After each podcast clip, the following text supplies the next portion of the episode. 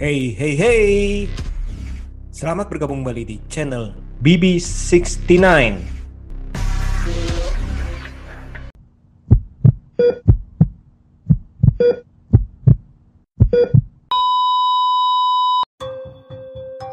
Sobat BB69, jujur saja saya sangat mengharapkan saat mendengar film The Unholy ini diputar.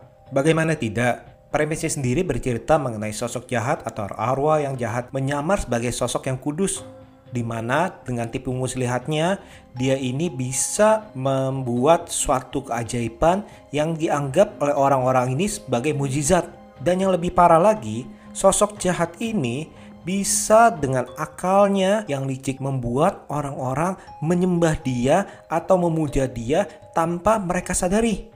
Di mana semakin banyak orang yang memuja dia, maka kekuatan jahat itu akan menjadi lebih dahsyat dan lebih besar lagi yang bisa berbahaya bagi semua orang.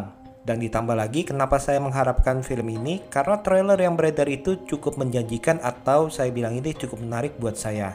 Namun sayangnya sepertinya pembuatan cerita atau naskahnya ini kurang matang dan kurang baik.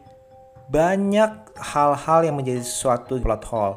Terutama bagi saya yang mengganjal adalah kekuatan daripada sosok jahat ini sepertinya tidak konsisten. Di mana satu saat arwah tersebut digambarkan bisa mengetahui keinginan daripada seseorang dan bisa membunuh dia dengan mudahnya di mana saja dan kapan saja tanpa diduga-duga. Tapi di satu sisi, sosok arwah ini tidak berusaha untuk mencegah atau membunuh karakter protagonis yang sebenarnya itu bisa dilakukan dengan mudahnya. Ini dia yang membuat saya ini agak mengganjal di hati.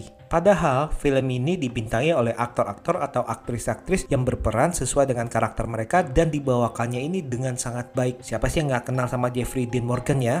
Untuk elemen horornya sendiri bagi saya berasa kurang, mulai dari penggambaran sosok rohnya atau spiritnya sampai ke adegan-adegan yang menjual jump scare. Overall, film ini merupakan film horor yang mudah dilupakan dan benar-benar sangat disayangkan. Oke deh, saya rasa sekian dulu. Sampai jumpa di mini review selanjutnya. See you.